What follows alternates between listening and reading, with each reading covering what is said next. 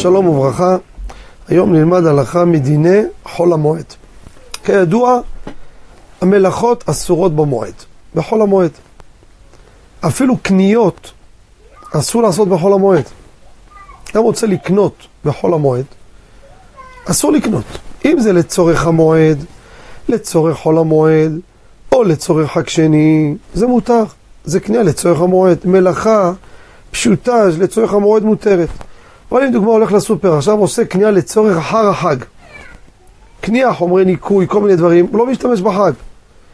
זו קנייה, רבותיי, שהיא אסורה בחול המועד. אבל, אם יש מבצע טוב, לא סתם כתוב על הפתק מבצע, תמיד אם זה מודפס אצלם קבוע מבצע, הוא יודע את המחירים.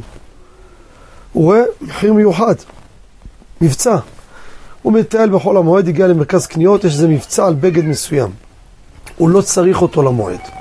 אם צריך למועד להתחדש במועד, אפילו לא צריך, הוא רוצה להתחדש במועד, מצוין לכבוד החג. אבל אם הוא לא משתמש, זה בגד ליום חול, אבל זה מבצע. המחיר המיוחד, אם אני לא אקנה אותו עכשיו, לא יהיה לי לאחר החג. זה נקרא הפסד שמותר למניעתו לקנות את הדבר בחול המועד. אותו דבר, מוצרים, מוצ... חשמל, אה, כלים, חומרי ניקוי, לא משנה מה. אם זה מבצע אמיתי, לא צריך שתרוויח מיליונים מזה. הכל ביחס למוצר.